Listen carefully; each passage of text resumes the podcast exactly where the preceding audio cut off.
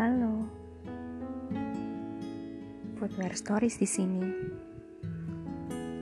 Ingin menceritakan bagaimana perjalanan untuk bisa sampai ke tujuan. Untuk mencapai kesembuhan dari semua luka yang ada. Seharusnya sih ini bukan hanya tentang satu orang. Semoga saja ya.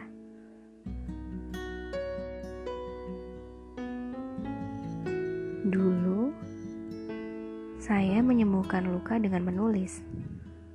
Sampai suatu hari, seseorang membuat saya sangat terluka karena pandangannya terhadap tulisan saya.